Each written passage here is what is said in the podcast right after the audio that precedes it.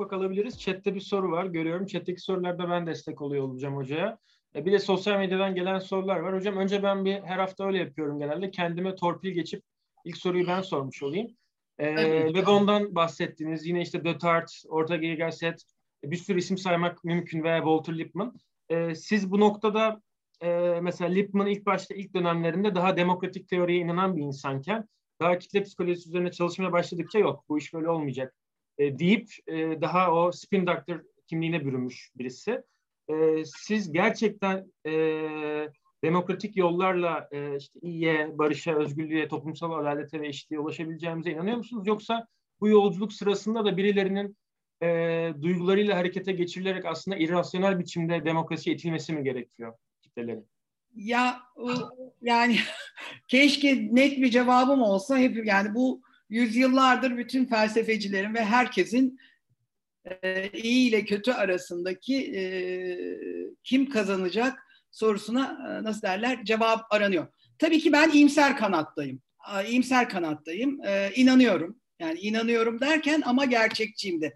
O yüzden de kendi iyimserliğimi hep ben gerçekçi iyimserlik olarak tanımlıyorum. Bu nasıl olacak? İşte bunun için e, bunun olabilmesi için bir kere öncelikli olarak gerçekçi hep ben hep onu gerçekçi olmak lazım. Yani gerçekçi olmak ne demek? İnsanı çok iyi anlıyor olmamız lazım.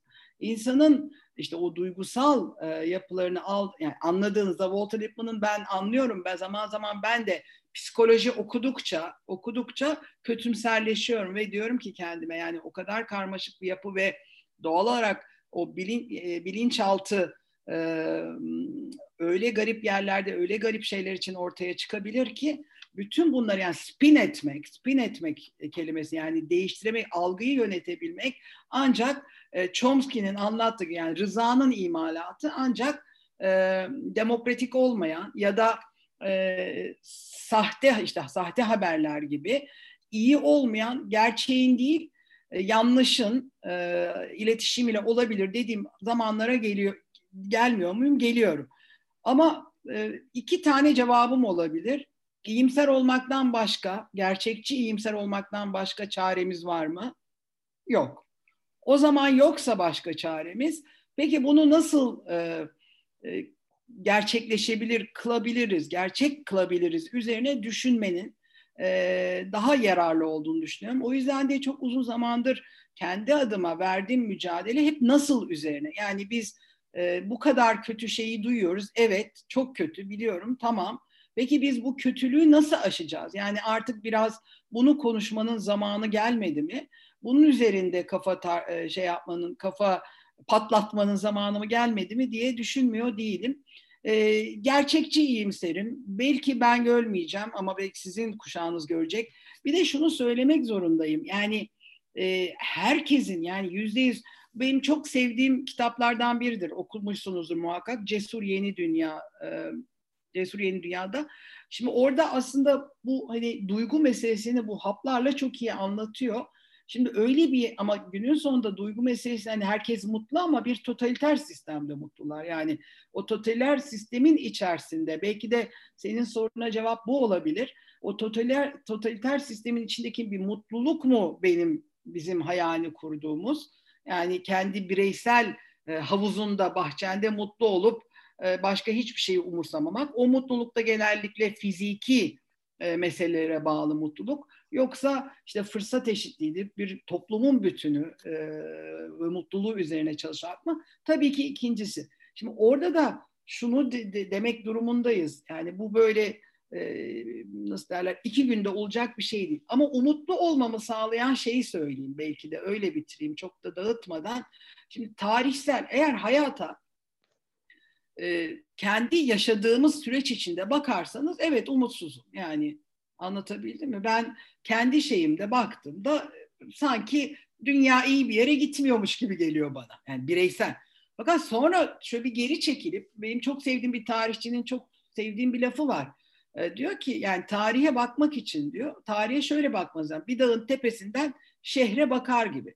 Tarihi gelişime baktığınızda çok iyimserim. Yani son derece iyimserim hem de. Yani dünyanın ve insanlığın e, geldiği yere bakın. Kadın haklarına, yani kadın haklarına bakın. Çocuk haklarına bakın. Yani biz işte teknoloji e, şey yani bu gelişime baktığımızda nasıl kötümser olabilirim ki? Yani nasıl bir distopya üzerine tamam distop yani konuşabiliriz ki belki de o distopyanın sonrası ütopya ama e, burada keseyim ben. E, bilmiyorum biraz dağınık oldu cevaplarım. Herhalde hani, yani inandığım şey e, gerçekçi imserlikle iyi evet. bir şey olabileceğine inanıyorum. Bu noktadan yani biraz somutlaştırırsak şöyle bir anlam çıkartmamız mümkün mü örneğin? iyiliğin hikayesini anlatan hikaye anlatıcılarına siyasette biraz daha toleranslı yaklaşmamız gerektiğini. Örneğin gerçekten layık bir ülke kurmak için mücadele eden ama e, bu sebeplerden ötürü seçim dönemi cuma namazına da giden orada da poz veren bir siyasetçiye daha hoşgörülü yaklaşmamız gerekiyor o zaman. Ee, eğer inancımız gerçekten onun niyetinin iyi olduğu yönündeyse. Ya bunu gerçek, şimdi şöyle orada şöyle çok net bir haber. Gerçekten hayatı boyunca cuma namazına giden bir politikacıysa sorun yok. Ama sırf bunu işte biraz önce söylediğim bir hikaye üzerinden kurguluyorsa yani Türkiye'de bak ben çok net bir şey söyleyeyim hikaye değil ama şimdi Türkiye'nin yapılan bütün araştırmalarında koyu muhafazakar segmenti yüzde yirmileri geç yani koyu on onlarda on ikilerde hani yüzde yirmi yirmi dörtleri geçmiyor. Onun dışındaki bütün gruplar ağırlık olarak seküler yaşam tarzından yanayken biz nasıl yaşıyoruz şu anda siyaseti ve muhalefetiyle bir sanki burası bir e, ağırlıklı olarak bir e, çok ağır dindar bir ülkeymiş gibi. Çünkü bu hikayeye işte anlatılan milletindir, söz yeter söz milletindirden beri gelen hikaye işin acı yanı muhalefetle inandı. Şimdi ben 1977 konuştuğumda bazı arkadaşlarım bana diyor ki zamanı ruhu farklıydı, o başka bir yüzyıldı. Kardeşim şimdiki zamanı ruhu ondan daha devrimci bir ruh aslında. Neden? Genç kuşaklar sayesinde. Yani biz gençlerle konu neden zaten hani AK Parti eğer örneğinden veriyorsak burada bu da hep benim söylediğim üzerinde yazdığım bir şey. Gittikçe makas ayrılıyor. Çok uğraşıyor. İşte son e, gördüyseniz seyret izlediyseniz İstanbul e, şeyinde e, kongresinde özellikle gençlerle kurgulanmış bir kongre gördük. Ve başına getirdik yani İstanbul İl e, örgütünün başına getirilen Osman Nuri Kabaktepe Refah Partisi'nin gençlik kolları başkanıydı. Tamam da 1990'lardaydı o.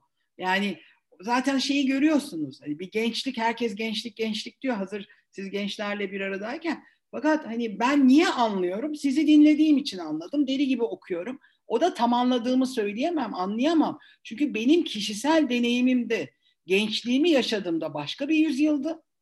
Şimdi bambaşka bir yüzyıldayız. Ben sizi dinleye dinleye dinleye dinleye dinleye bir şey oluştu kafamda e, yani oluşuyor ve onu kendimce aktarmaya çalışıyorum. Şimdi o dünyada artık bu hikaye başka bir hikaye. Yani eğer olmadığın gibi biri işte bir aşka eski hikayeye o e, yeter söz milletindirdeki işte Türkiye'nin yüzde 99'u Müslümandır hikayesine hizmet etmek için bunu yapıyorsan hiçbir anlamı yok. O zaman sen diğer hikaye yardım ediyoruz. Ama zaten e, işte bir sürü gördük e, işte başı örtülü ama AK Partili olmayan ezber bozan değil mi? Bir sürü genç kadın gördük. Şimdi o öyle yani onu e, su, nasıl derler e, bir şeyden e, diğer hikayeye ait olarak sorum şey yapamayız. Anlatabiliyorum demek istediğimi herhalde. Bu yeni bir hikaye artık bir umut hikayesi yazacaksak bu hikaye yazarken de bir kere zaten en büyük şey otantik olması. Yani kendine ait olması e, e, ve doğal olması zaten. Yani bu yüzyılın ruhuyla alakalı bir şeyden söz ediyorum ben. O nedenle de yine e, uzatmadan söyleyeyim. Eğer kendisi gerçekten öyleyse hiçbir sorun yok. Ama diğer hikayeye işte hizmet etmek için bu varsayım üzerinden yürüyorsa o çürüdü artık. O hikaye yani Çürüdü derken çürümedi ama çürütü, yeni hikayeler yaratılarak yaratıla yazılarak bu hikayenin çürütülmesi lazım. Çünkü artık o eski bir hikaye. Artık yeter söz herkesin yani dünyasındayız. Çünkü dijital teknoloji geldi. İnsanların eğitim oranları yükselmeye başlıyor. Ee, en eğitimsiz dediğinizde bir çıtla Facebook'ta ben hep şunu söylüyorum. Artık insanlar televizyonda değil yani dijital ortamda sosyal platformlarda görerek annesinden ve babasından daha iyi bir yaşam istiyor. Nokta. Bu daha iyi yaşamın tanımlarının içerisinde de özgürlük var, ekonomik şeyler var, fırsat, bir sürü şey var. O yüzden de yeni hikayenin yeşertilmesi lazım diye düşünüyorum. Çok teşekkürler hocam. Ee, ilk soru YouTube'dan gelmişti. Ee, Üsame Yalçıner sormuş. Ee, Sayın hocam mevcut dinlerin mesajı tüm dünya halklarının kardeşliği üzerineyken pratikte ise bunun tam aksi bir işlev e, görmemiş midir? Dindarlık arttıkça maalesef ötekileştirmede o denli artmıyor mu diye sormuş. Ee, şimdi şöyle e, ya zaten hani dünya o yüzden dedim ya e, dünyanın ilk e, bildiğimiz hikayesi ikna ve kutuplaştırma hikayesi Adem'le Havva'nın hikayesi. Evet doğru dinler kutuplaştırıyor mu? Kutuplaştırıyor. E, buna bir şey söyleyemem. Ama bunun karşılığında işte bu şunu bu şu demek değil. Yani dinler kötüdür demek değil. E, başka bir hikaye. Yani o hikayeyle mücadele edecek başka hikayelerin yaratılması lazım. Ya da bunun karşılığı bir de şunu söylemek zorundayım. Yani evet doğru ama öte yandan da sayılara bakıyorsunuz. E, dindarlık sayısı dünyanın her yerinde azalıyor. Yani teknoloji ilerledikçe dindarların sayısı da azalıyor. Bir de bu taraftan bakmak lazım. Ee, başka bir şey hani şu anda aklıma gelmiyor. Ee, ama e, yani din evet kutuplaştıran bir şey. Yani din insanları, e, yapıları kutuş, kutuplaştıran bir şey ve de ilk hikayelerden biri. Ama bunun karşılığında da şunu diyemeyiz. Yani çünkü işte tam da Gustave Le Bon da bunu diyor. Yani insanların bir inanç ihtiyacı vardır diyor. Şimdi inanç ihtiyacı olan insanlara o inandıkları şeyin aslında yanlış bir şey olduğunu söylemek e, o kutbu daha da vahim bir hale getiriyor ve bunun örneklerini, bireysel örneklerini görüyoruz. Ama o kutuplar arası büyük kavgalar ve savaşlarda kaybedilen insan ve şeylere baktığında tarihe yine tarihe ve büyük bir resme baktığında o kutuplaştırmanın eskisi kadar olmadığını görüyorsun. Artık dünyanın her yerinde homojen olmayan yapılar var. Yani işte bir batı ülkesinde bütün dinler bir arada yaşıyor. Eskiden bir de birbirlerinden farklı kendi halkalarında yaşıyordu bu gruplar. Şimdi birbirleriyle kaynaşmaya, birbiriyle e, yaşamaya başladılar. Bu korkunun, e, tehditin en büyük nedenlerinden biri de zaten bil, yani bilmemek. Bir şey şimdi bir araştırma çıktı biliyorsunuzdur. Hakimleri komşunuz istemezsiniz. Ben e, iletişimci olarak şöyle okuyorum. Ay Türkler ne korkunç diye okumuyorum o araştırmayı.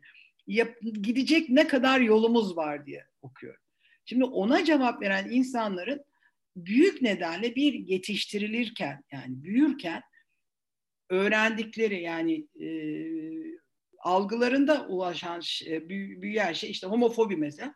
Homofobi. İkincisi bir de hayatında gerçek anlamda bir iletişim kurmuyor. Neyi görüyor? Televizyonda böyle karikatürize edilmiş e, biçimlerini görüyor ve oradan işte bizim töremize bu uymaz deyip kestiriyor, atıyor, gidiyor. Şimdi orada çok ciddi bir uzun bir yolculuk var demektir. Bu yolculuğu yürümek ve şey yapmak kime düşüyor?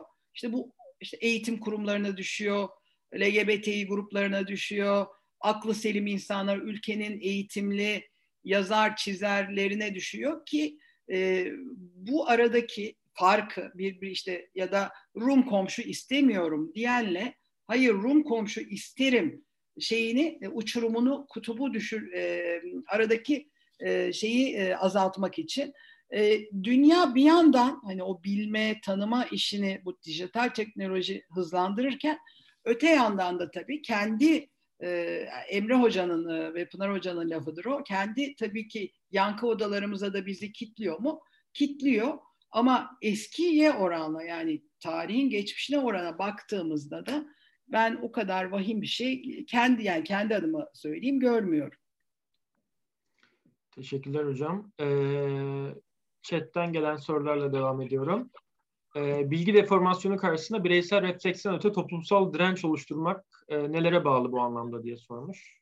Örgütlenmeye çok basit. Örgütlenmeye. ikincisi eğitimler. Şimdi bu 21. yüzyıl becerileri diye bir şey var. Bunun içinde de en önemli e, yani maddelerden biri biliyorsunuz sosyal medya okur yazarlığı kadar e, ah critical analysis Türkçesi gelmedi çok özür dilerim. E, eleştirel analiz. Ya, eleştirel düşünce. Eleştirel, eleştirel düşünce. Şimdi bütün bunlar ben ya o kadar ilginç bir şey ki daha yeni geçen gün bir arkadaşımla konuşuyorduk. Her önüne geleni bana forward diyor ve forward dediği yani gönderdiği şeyler ya, dedim ki ya Allah aşkına ya şu yanlış bilgi ve bu çok iyi eğitimli bir insandan söz ediyorum. Şu yanlış bilginin dolaşımına Allah aşkına hizmet etme. Çünkü bunun en büyük nedeni eğitimsizlik değil, tembellik. Bizi o kadar e, bir tembelliğe alıştırdı ki bu dijital teknoloji. Böyle hemen iki dakikasına bakıyoruz, beğeniyorsak dağıt, o bilgiyi dağıtabiliyoruz. O nedenle bir kere bu farkındalığın yani bu yanlış bilginin dolaşıma sokmanın ne kadar zararlı olduğuna dair farkındalığın e, arttırılması lazım. İlkokuldan itibaren yani batılı ülkelerin önemli bir bölümünde ilkokuldan itibaren e, bu tip becerilerle yetiştiriliyor. Şimdi buna bile işte geleceğin iş dünyasına hazırlanıyorlar kapitalist süreç falan diye söyleniyor. Evet olabilir doğru yani bugün Batı ülkeleri Çin hakikaten Singapur Güney e, Kore gibi ülkeler daha ilkokuldan geleceğin iş dünyasına hazırlıyor eğitim sistemi. E ne yapacaklar? Yani neye hazırlayacaklar? Anlatabildim. Bazen de onu söylüyorum aslında. iyi bir şey yapıyor. Yani buna ben hep şey söylüyorum. Bir şeye karşı çıkarken o karşı çıkacağınızın yerine koyacağınız şeyi de anlatmanız lazım. E, buradaki cevabım işte biraz önce dediğim gibi örgütlenmek, e, farkındalığın artması için saymak ve bunların tabii ki aslında bir e, eğitim sisteminde de birer bilinçlendirici e, müfredat yani müfredatlara girmesini sağlamak ve bunun için mücadele etmek. Hocam bunu Twitter'da e, da bir şey sizinle konuşmuştuk aslında hatta bana bu konuda güzel bir yazınızı atmıştınız eleştirel düşünce dersiyle ilgili. O da bizim de yani ekiple hep aramızda konuştuğumuz hiç anlayamadığımız bir şey. Çünkü üniversiteye geliyoruz. E, üniversite birinci sınıfta bize işte zorunlu dersler okutuluyor ve o zorunlu dersler işte dil anlatım, Türkçe üzerine olan ders ve e, Kurtuluş Savaşı, devrimler, Atatürk devrimleri üzerine olan ders.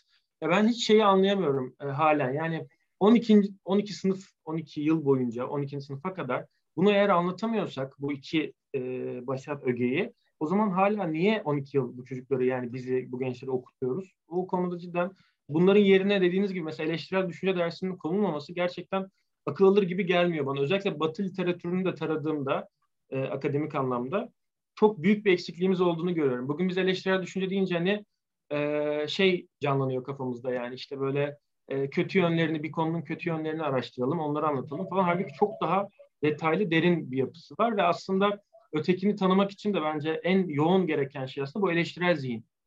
Hem öz eleştiri anlamında hem de dünyaya karşı eleştiri, teorilere karşı eleştiri anlamında.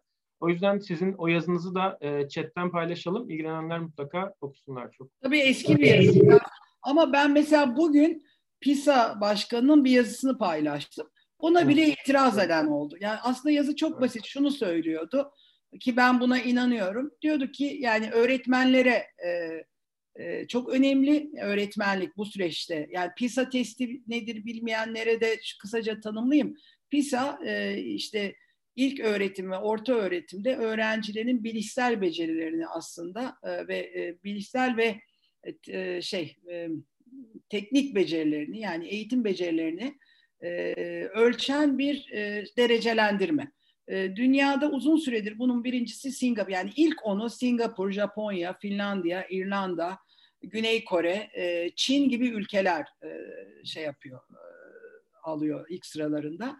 Şimdi bu ülkelere baktığınızda en büyük yatırımları öğretmenlere yapılmış. Anlatabildim mi? Benim şimdi ona itiraz ediyorum. Sistemi değiştirmezsiniz. Tabii ki sistemsel değişiklik yapabilirsiniz ama yani dünyaya baktığınızda zaten sistemin kendisi öğretmenlerin yani en iyilerin, en zekilerin, en başarıların öğretmen olduğu sistemleri kuruyor. Peki bunu nasıl kuruyor? İyi maaşlarla kuruyor. Anlatabildim mi? Öğretmenliği bir e, zorunlu e, meslek değil, herkesin gerçekten istediği bir meslek olarak. Yani Türkiye'de e, öğretmenlik yani bilmiyorum bir araştırma yapsa hakikaten bunu ideal biçimde yapan inanılmaz harika mucize öğretmenler varken öte yanda sonuncu tercihi olduğu için hiçbir seçeneği olmadığı için bir sürü öğretmenlik yapan da bir sürü insan var. Genellikle yüksek puanlı okullar nereler? İşletme, ekonomi gibi, tıp gibi bölümler ya da mühendislik gibi. İşte benim anlatmaya çalıştığım mesela batıda aynen yani son derece yetenekli, başarılı, üst sıra yani büyük puan, e, iyi puana zeki insanların da öğretmenlik yapması ve öğretmenlere ciddi hem maaş hem kurum içi eğitim yani onların geliştirilmesi üzerine yatırım yapılması üzerine kurum. Mesela ben bununla ilgili bir şey minik bir tweet attım hemen ona bile itiraz var. Ee, çok iyi, yani neyse Twitter'ı ciddiye o anlamda almıyorum sakın yanlış anlamayın ama e, bunların hepsi çok uzun yolculuklar. Yani hakikaten çok uzun yolculuklar. Bu yolculukları yapabilmek için önce işte o büyük yani böyle bir geri çekilip bir biz hikayemizi, Türkiye hikayesi aslında Türkiye'nin yazılmış bir hikayesi var. Yani bu hikayeyi hepimiz az çok biliyoruz. Ve o hikaye yani o hikaye işte tekrar biraz önce söyledim yani muhasır medeniyet batıllaşmak, batı anlamında bir modernizmden bahsetmiyorum. Tam tersi kişi başına gelirin yüksek olduğu, bilimin e, baş tacı edildiği, fırsat eşitliğinin tanındığı, yani işte biraz önce PISA testinde ilk ona ilk 20'ye girmiş ülkeler gibi bir yaşam standartının birçok olduğu bir yaşam tarzından bahsediyorum muhasır medeniyet, muhasır medeniyet derken. Sonra da oturup işte oraya nasıl varacağız? Onu tekrar yeniden konuşmamız gerektiğini düşünüyorum. Yani bizim aslında bir hikayemiz var. O hikayede yani yeter söz milletin değil, yani hepimiz için yani herkesin birlikte aslında şey gibi hani yurtta sulh barış, dünyada sulh gibi yani yurtta sulh ne demek? Herkesin işte kutupların olmadığı, herkesin birbiriyle barış içinde yaşadığı bir yurttan, ülkeden söz ediyorum. O hikaye üzerinden de onu hayata geçirmek için elimizden geleni yapmamız lazım. Ben tabii onlar benim alanım değil. Ben ancak o yapılan işlerin nasıl iletileceğini, nasıl halka, vatandaşlara anlatılacağı konusuyla konuşabilirim sizinle. Diğeri de bir vatandaş olarak fikrimi paylaşıyorum. Peki hocam teşekkür ederiz. Ee, Nur Hanım'ın sorusunu e, okuyayım size. Bu arada istediğiniz zaman arkadaşlar el kaldırıp da soru sorabilirsiniz. Ben orayı da kontrol ediyorum aynı zamanda. E, Nur Hanım şöyle sormuş. E, siyaset hikayeleri ışığında endişeli zihinlerin kişisel korkularını toplumsal bir e, duyguya dönüştürmesi ve bununla beraber ötekinin sınırlarının e, katılaşması karşısında bizler hangi yollarla korkuyla bastırılan bu kitlelere ulaşabiliriz demiş kendisi. Ya çok güzel bir şey. Şimdi şöyle, şimdi önce şunu söylemem lazım. Ee, bir e, hani bir skala varsa her yani iletişimde şöyle bir şey yok. Herkese ulaşabilirsin. Herkesi kucaklayabilirsin. Ne yazık ki hani bunu ancak şunu şöyle söyleyebilirim. Gerçekçilikten bahsettiğim şu e, en korkanla en az korkan değil mi bir skala var. Bir yelpaze varsa en az korkanla başlayıp işte bir sonraki dereceye bir sonraki dereceye gitmek lazım. Şimdi bunun için bir mucize bir şey var mı? İşte bir, biraz önce söylediğimiz bu korkunun ya da birbirlerinden uzak durmanın, o kutuplar arasında yok o cız yani ben onunla konuşmam, ben onunla aynı masaya oturmamın en büyük nedeni işte buraya e, yine yani şeye dönüyoruz. Yeter söz milletindir'in ışığında yaratılan hikayeler ve insanların algılarında ve kafasında bu hikayeler e, ciddi ciddi yer etmiş durumda. Yani bunun en iyisi yani en bilinen örneğini söyleyeyim işte gezi sırasında camide bira içme hikayesi. Anlatamadı çünkü savunarak anlatamazsınız anlatabildim mi? Orada bira şişesinin içilmediğini insanlar gazdan kaçtıkları için oraya sığındıklarını mecburen e, orada iyileşmek için çalıştıklarını savu istediğiniz kadar. O zaman başka bir hikaye anlatıyor olmanız lazım. Başka bir şey anlatıyor. Bunu yapabilmeniz için, bu hikayeyi anlatabiliyor olmanız için öncelikle şeyi anlamak lazım. Ben hep korkuyu kırmanın birinci nedeninin yani bu tip şeylerde önce korkunun nedenini anlamak lazım. Yani neden korkuyor? Bu insan neden korkuyor ve valide etmek lazım. Bunu hep yine ben böyle ben, ben, tabii siz ilk kez beni dinliyorsunuz fakat bunları hep anlatınca şey oluyorsun sanki size de yüzüncü kez anlatırmışım gibi oluyor ama hep söylediğim bir şeydir. Bana bazen böyle hani mucize bir şeyin var mı? İletişim e, adını söyle tavsiyen var mı derim. İki tane mucize tavsiyem var. Yani eğer çok istiyorsanız ki bunlar böyle mucize işlerle bir su bir hap iç bir su içle olacak işlerdir. Hakikaten e, çok çalışmanız, gerçekten üzerine düşünmeniz, kafa patlatmanız ve harekete geçmenizle alakalı bu toplumsal e, barışı sağlamak, kutuplar arasındaki ilişkileri yeniden sıcaklaştırmak için. Ama öncelikli olarak birincisi hep şeydir. Susun bir dinleyin. Ya bir dinleyin kardeşim ya bir susun. Bu yani iletişimin bana göre ve anlayın yani durumu anlayın. İkincisi ise anlayın derken niye korkuyor? Neden oraya gelmiş? Onun arkasındaki sebepler ne? Üçüncüsü de psikolog, psikoloji eğitimi yapanlar iyi bilir. Üçüncüsü için de valide etmek deniliyor buna psikolojide. İnsanlara siz haklı olsanız bile eğer siz bir iletişim yolculuğunda ikna etmek üzere bir yere çıktıysanız birini haklı olsanız bile o an öfkeliyse karşınızdaki sırtına şöyle bir e, canın sağ olsun senden kıymetli mi deyip sen haklısın deyip yürüyüp gitmek. Bu şu demek değil. Geri dönüp onu haklılığıyla baş başa bırakmaktan söz etmiyorum. Kafanızda bir plan olacak ve onu kendi yani ikna etmek üzere bir planınız. Ben hep şunu söyleyeyim. Bazı insanları bir toplantı yani 20 dakikada ikna edersiniz. Bazı insanları ikna etmeniz 20 yılı sürebilir. Bunlar hep e, üzerinde çalışılması gereken şeyler. O nedenle e, buna cevabım e, öncelikle bir korkunun nedenini anlamak. Bu korkunun nedeni anladıktan sonra onun arkasındaki nedenlerle mücadele, bireysel olarak mücadele edilebiliyorsa etmek veya örgütlü mücadele yani yeni bir e, hikaye bunun üzerinde. Sadece tabii hikaye anlatmak üzerine söylüyorum. Üçüncüsü ve en önemlisi dedim ya bu korkunun en büyük nedenlerinden biri de tanımıyor ve bilmiyor. Eğer siz işte algınız işte çocukluğunuzdan bu yana beyaz saçlı kadınlar dünyanın en korkunç kadınlarıdır diye biliyorsanız karşınızda bir gördüğünüz ilk beyaz saçlı kadını doğal olarak iç hissiniz yani bilinçaltınız size korkunç olarak tanımlıyor. Siz önce tan anlatamıyorsunuz. Niye ben bu kadını sevmedim? Bak benim için iyi bir şey yapmaya çalışıyor. Aklınız, rasyonel akıl diyor ki ya bu kadın bana bir şey anlatmaya çalışıyor iyi bir şey yapmaya çalışıyor ama ısrarla kalbiniz ve duygunuz diyor ki hayır hayır ben bu kadını sevmedim, bu kadını sevmedim. Çünkü çocukluğunuzdan itibaren birisi size beyaz saçlı kadınlar korkunçtur, korkunçtur diye anla, hikayeler anlatıyor. Anlatabildim mi? O yüzden de öncelikle anlamak, dinlemek, sonra o bilinmeyen yani o grupları bir arada bir diyalog ortamı, bir o diyalog bir platformda bir araya getirmek, e, yavaş yavaş yavaş da o platformu büyütmek ve genişletmek gerekiyor. Teşekkürler hocam. Ee, Beyza Hanım e, yorum soru karışık yazmış. E, distopyalar üzerine çalışıyormuş kendisi.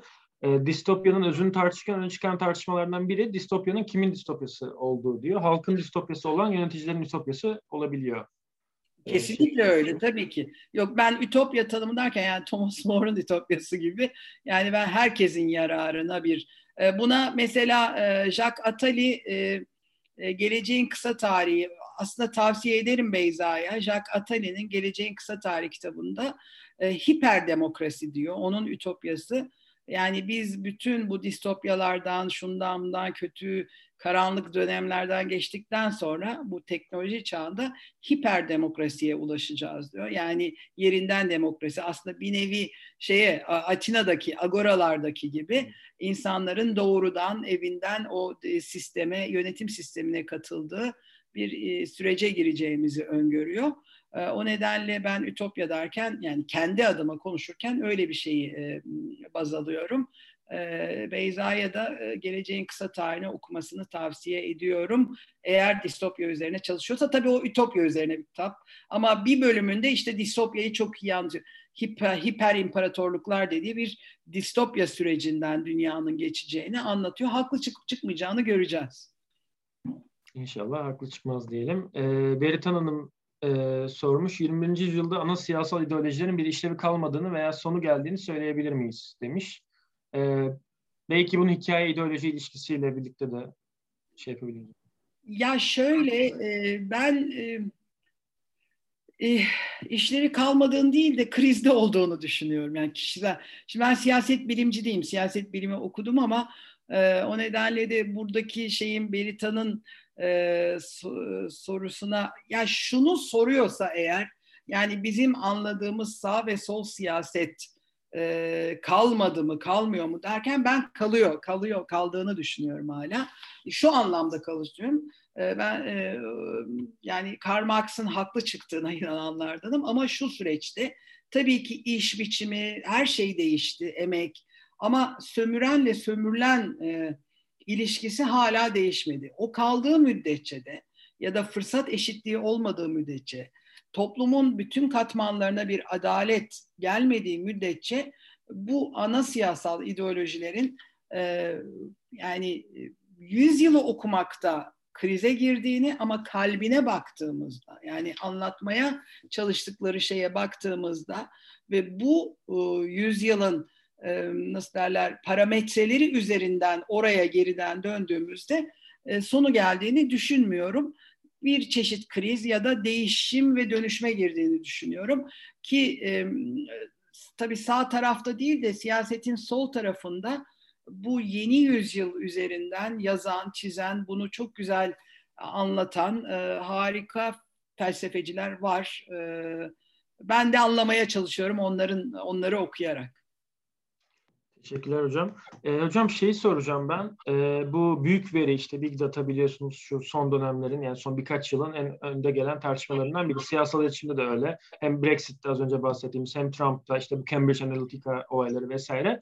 Ee, şey kesin yani bu işte persona mining'de o şahsiyet e, analizlerinde vesaire hikayelerin çok işine yaradığı kesin. Peki bunun dışında e, ciddi anlamda da indirgemeci bir hali olduğunu düşünüyorum ben. Yani insanları tamamen böyle data fetişisti bir şekilde rakamlara indirgeyen ve bunun üzerine ilerleyen bir yapısı var gibi geliyor. Fakat hikaye daha çok duygularla işliyor. Sizce bu big data insanların duygularına erişme noktasında gelecekte başarılı olacak mı veya geçmişte başarılı oldu gibi duruyor çünkü. E, ileride sizce geleceğini görüyor musunuz yoksa bu da böyle dönemsel bir moda gibi mi geliyor? Yok yok yani bu büyük veri işinin ben hani ya da data madenci, veri madencinin gittikçe de çok yani e, önemlisi olacağını düşünenlerden biriyim. Personalar sayıları artacak şeyde yani daha kişiselleşmiş e, personalara dönüşecek bu iş. Ama şöyle algoritmalar hata yapıyor mu? Yapıyor. E, yani o hata yapma şeyi her zaman olacak. Olacaktır büyük bir ihtimalle. Bilmiyoruz. Şimdi niye öyle büyüyeceğini düşünüyorum? Çok net bir şey söyleyeceğim. Yani bunu çok iyi bildiğim için değil, okuduğum, anlamaya çalıştım. İşte üzerine de şimdi bir şeyler yazıyorum. için şunu, ya bugünden bir şey söyleyebiliriz. İşte derim ki a büyümeyecek. Fakat o kadar hızla ilerliyor ki bu teknoloji. İşte bunu bir sürü yerde söylüyorum. Yani ben söylemiyorum. Bu konuda yazan, çizen, e, izlediğim, okuduğum bilim insanları söylüyor. Tarihin hızlanma teorisini biliyorsunuz. Yani mesela ben e, işte bu duygu e, e, yapay zeka, yapay zeka konusunda dalga geçiyorum. Diyorum ki yani yapay zekaya duygu yapmadıkları müddetçe hala bazı işler e, şey olacak yani e, kaybolmayacak. Nitekim hani şimdilik kendimi beni kişisel bir şey bu. Güvende hissettiren bir şey. Geleceğin meslekler içerisinde hala iletişim duruyor. Neden? Bu duygu meselesi yüzünden. Bu dalga geçiyor ama öte yandan da şunu da bilmiyorum. Beş yıl sonra duygusu olan bir e, robotun çıkmayacağı konusunda hiçbir şimdilik olmayacağını söylüyoruz. Fakat bundan on yıl önce asla olmaz dediğimiz bir sürü şey oluyor. O nedenle bu hızın bizi nereye evireceğini bilmiyorum. Ben büyük veri işinin gittikçe büyüyeceğini zaten Türkiye'deki hani burada yine politikaya giriyorum en büyük sorunlardan, kavgalardan birinin Türkiye verisinin böyle bedava işte bu Twitter'larda şunlar biz seviniyoruz Mars'a bilmem ne birinci çıktık biz çıktık ama bedava verimizi mütemadiyen yurt dışına ki ben de kullanıyorum yani Mars'a kayıt olmadım ama yani sosyal medya platformlarını kullanıyorum.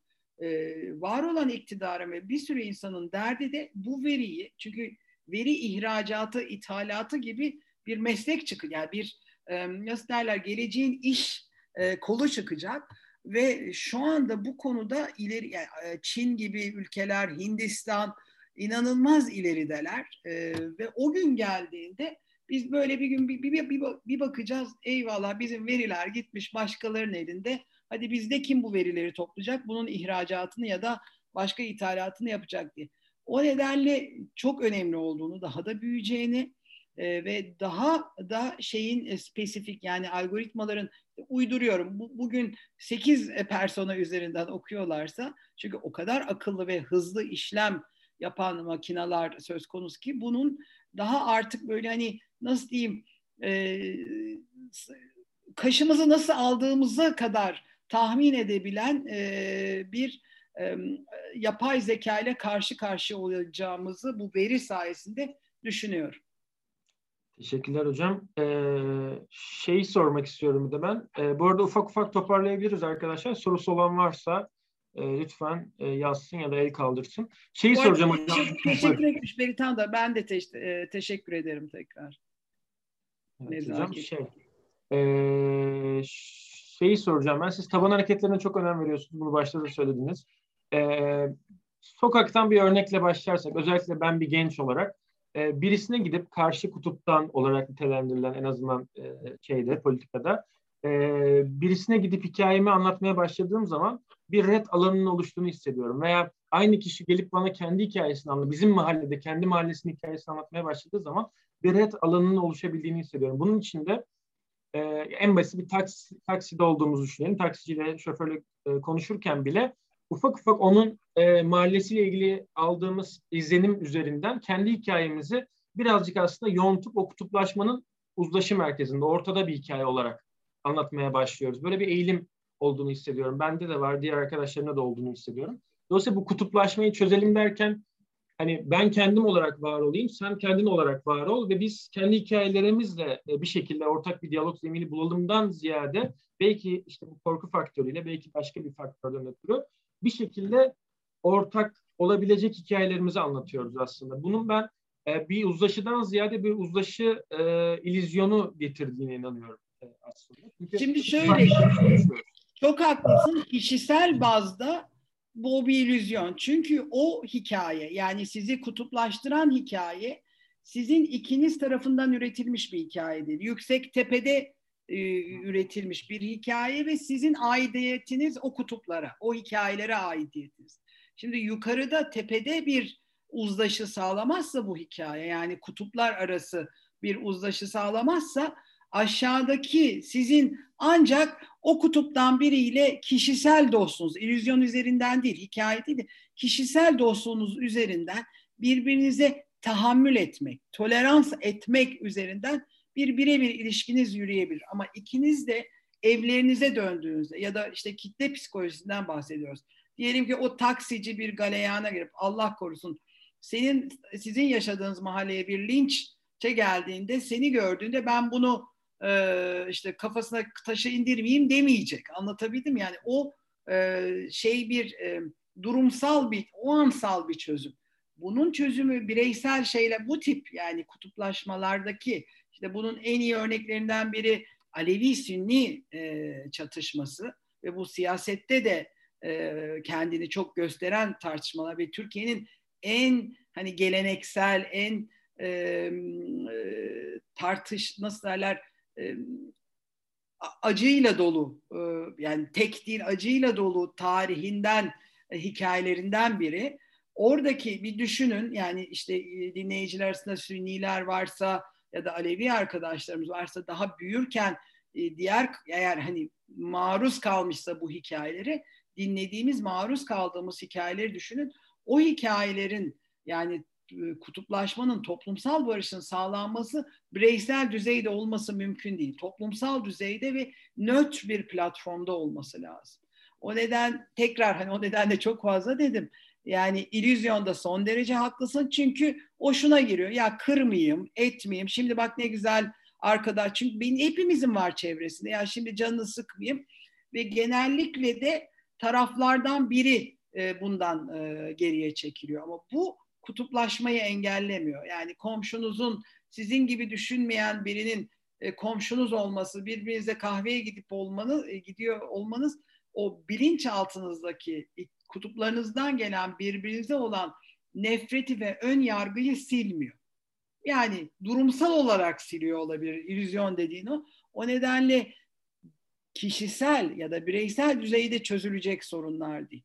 Bireysel düzeyde çözülecek sorunlar yani senin yanlış anlaşılmandır. Sizin bir konuda yanlış anlaşılmanız ve insanı sizinle ilgili yani sizinle bireysel olarak anlatılan bir hikayenin o daha çok kişisel hikayeleri geliyor. Ben burada mümkün olduğunca daha çok toplumsal hikayeleri kutuplaştıran toplumsal hikayeler üzerinden hani anlatmaya çalıştım. Sizin bireysel olarak işte e, tembel, yapmaz, biliyor musun beni de aldattı, ya da gibi işte buna güvenilmez, yol yürünmez, biliyor musun? İşte dedikodu dediğimiz biraz önce söylediğimiz aslında toplumsal e, kutuplaşmada da aslında hepsi o dev dedikodu. Bunlar mini dedikodu, mini dedikodular üzerinden anlatılan hikayeleri çözebilirsiniz. Kendi dürüst ve doğru hikayelerinizi. Yani bu arada da şeyin altını çizelim. Hikaye dediğimiz burada yani bizim anladığımız kurgusal masallar değil, deneyimlerin hikaye metnine dönür. Yani deneyimlerin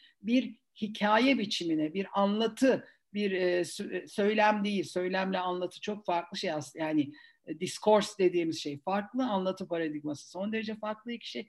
Bir anlatı paradig anlatı eksenine dönüşmesin ise e, bambaşka bir şey. Siz deneyimlerinizi karşı tarafı ikna etmek üzere bir hikayeye dönüştürüyorsunuz. Bir amacınız var. Bunun içinde bir mesaj, işte mesajda neyiniz var? Aleviler kötüdür. İşte kötüdür derken tekrar yine hep yeter söz milletindir. Ne diyor? Biz milletiz, onlar bizi ezen, eğitimli, bugüne kadar bizi aşağılayan, işte e, camide bira içen, e, onlar iktidardayken e, kuyruklu, metrelerce kuyrukların olduğu insanlar diyorsunuz. Bunu bireysel ortamda çözmeniz mümkün değil. O ancak şöyle olur. Aa Burak var CHP'li ama iyi adam dönüşür. Ancak onu onu şey yapabilir. Onun görevi de zaten bize ait değil. Biz ancak kendi hikayelerimizden sorumluyuz. Ama Burak iyi adam, Zeynep iyi kadın, işte e, İlayda iyi kadınlar çoğalırsa tabii ki büyük resme hizmet eder ama uzun yol e, tepede üretilen yani zaten biraz önce sözün yani bu sunumda da anlattığım bütün bu hikayeler yukarılardaki iletişim ya da propaganda meka propaganda, propaganda mekanizmalarında üretilmiş hikayeler.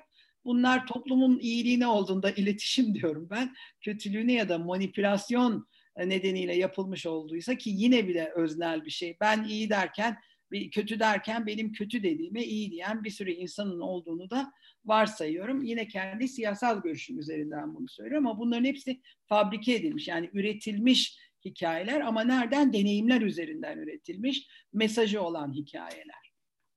Umarım anlaş, anlatabildim. Evet hocam gayet güzel anlattınız. Ee, şeyi son sormuş olayım. Ee, bu şimdi şeyden çok bahsettik işte kurgu olan hikayeler yani işte bu kuyruklar şunlar bunlar vesaire gerçekliği yansıtmayan hatta gerçeklikten çok payı bile olmayan neredeyse hikayeler. Fakat bunların öyle ya da böyle e, insanı e, bir tık e, ümidini kıracak düzlemde bir e, karşılık bulduğunu görüyoruz. E, özellikle belki de e, farklı bölgelerde. Büyük şehirlerde de öyle gerçi çok fark etmiyor ama bu noktada sizin e, düşünceniz var mı? Yani gerçekten bunun tersinde iyi hikaye anlatan e, kişiler her yere sirayet edebiliyor mu sizce yeterince? Yani ben çünkü şöyle düşünüyorum. Yüzde yirmi bile bu hikayeye inanıyorsa bu bile bence oldukça e, ciddi bir sıkıntı. Burak tabii şunu söyleyeceğim. Şimdi biz e, dünyanın her yerinde böyle mi bilmiyorum. Türkiye'de bir şeyi keşfediyoruz ve her yaramıza onun ilaç olduğunu düşünüyoruz. Biz birkaç yıl önce de bu hikaye anlatıp hikaye anlatıcılığını keşfettik. Şimdi her şeye bunun e, yaraya ilaç olduğunu düşünüyoruz. Şimdi böyle toplum, toplumsal kutuplaşmalarda tabii ki anlatı para, hikayelerin çok önemi var. Ama holistik dediğimiz bir bütünsel yaklaşımla buna girişmiyorsan yani iletişimci olarak buraya baktığında hiçbir anlamı yok. Şimdi yeri geldiği yerlerde evet, senin soruna cevap evet, kullanılabilir ve çözebilir sorunu. Ama o sorunun ne olduğuna ve nasıl bir sorun olduğuna bağlı. Yani benim ben zaman zaman eğitimlerde işte biraz önce sözünü ettiğim hani böyle mucize cümleler istediklerinde hep şunu anlatmaya çalışıyorum. Hasbel kadar size verdiğim öğütler iki vakada tutabilir. Bu üçüncü vakada tutacak anlamına gelmez. O yüzden buna bütünsel yani bütünsel bir bakış açımız olması lazım. Türkiye'de hani biraz önce vatandaş olarak da fikrim var. Hani bir geriye bakıp nasıl ilerleyeceğiz deme sorunum anlatma sebebim de bu benim kendi alanımda deneyimlendiği şeyi büyük resimde de görüyoruz. Ne yapıyoruz? Birisi Japonya'da bir şey görüyor. Ay bu çok Türkiye'de çok güzel olur diyor. Bunu Türkiye'ye uyarlayalım.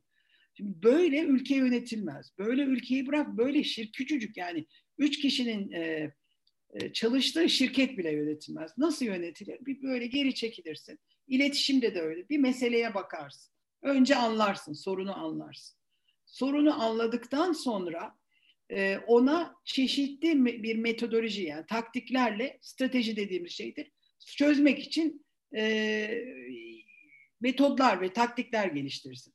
Fakat bu taktikler içerisinde biz bugün hikaye anlatıcılığını, anlatı paradigmasını kullanmamızın nedeni en kolay yani büyük kitlelere ulaşmak, onları ikna, toplumsal iknayı sağlamak için en doğrudan ve en kolay değil. Yani e, etki etmesi kolay ama üretilmesi gerçekten çok çalışma isteyen çünkü bazen tutmuyor o hikayeler. Sizin geri dönüp bu hikaye neden tutmadı deyip onu yeniden yapmanız, üretmeniz ve şey yapmanız lazım. Yeniden anlatmanız lazım. En kolay yollardan biri.